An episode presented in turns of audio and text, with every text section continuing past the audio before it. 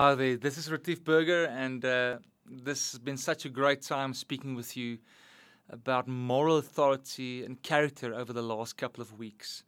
Um, moral authority, character, is, is that's that unseen badge of authority you carry.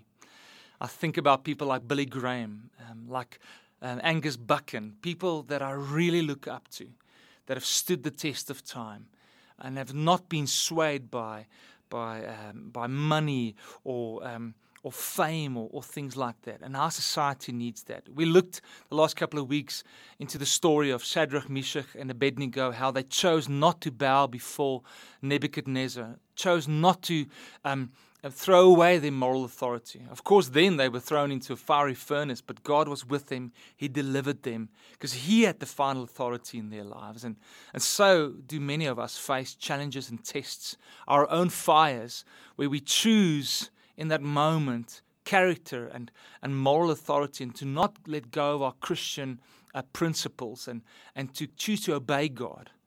And I know it's tough. I know it's tough. Man, I've, I've faced many tough choices myself, little things um, where I had to choose character above anything else. Now, Andy, Andy, now Andy Stanley in his book, um, The Next Generation Leader, speaks about moral authority. He says, to gain and maintain your influence, you must have moral authority. Moral authority is the critical, non negotiable, can't be without ingredient of sustained influence Without moral authority, your influence will be limited and short lived. This, of course, speaking about leaders. It's established as it becomes increasingly clear that the leader is not motivated by financial gain or public recognition. People see that the leader is called to make a difference, not driven to make a name. There is something noticeably sacrificial about how they fill their leadership role well, I want to be a leader like that. I want to be a dad like that. I want to be a husband like that. To have pure motives of honoring God. Now, there are three areas I want to end off. Um, areas um, that give us and where we can grow in moral authority. It's consistency, humility, and intimacy. Consistency, and we've spoken about this. It's being the same everywhere, not changing when success comes, you're the same with all races and classes. And when you choose to play by the same rules as you expect other people to play on.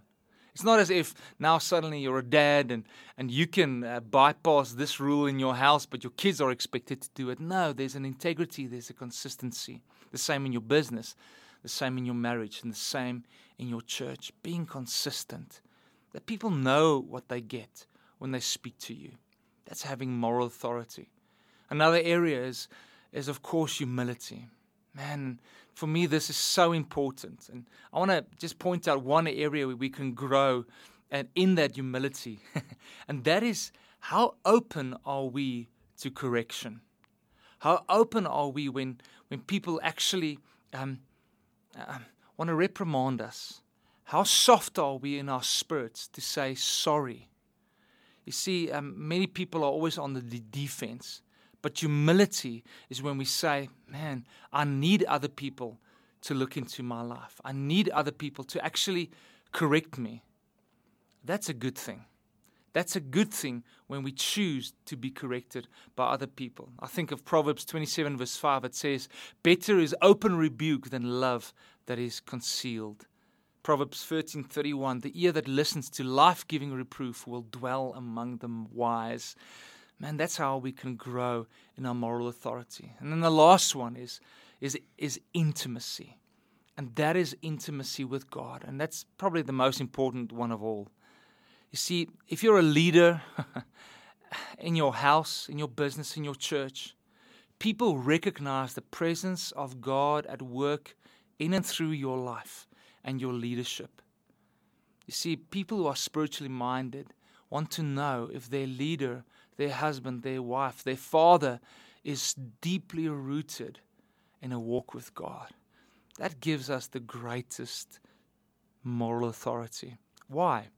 Because the most moral, excellent being in the universe, God, will, of course, rub off on, off on us. His character now becomes our character.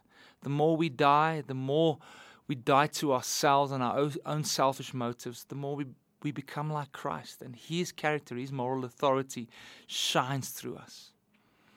I want to encourage you as we end off this, this whole series on moral authority. May we humbly ask God to change us, to give us His character, to be men and women that is in it for the long haul, that we don't lose our moral authority in a moment, but that we choose to walk with God, have His character in our lives, and glorify God through that.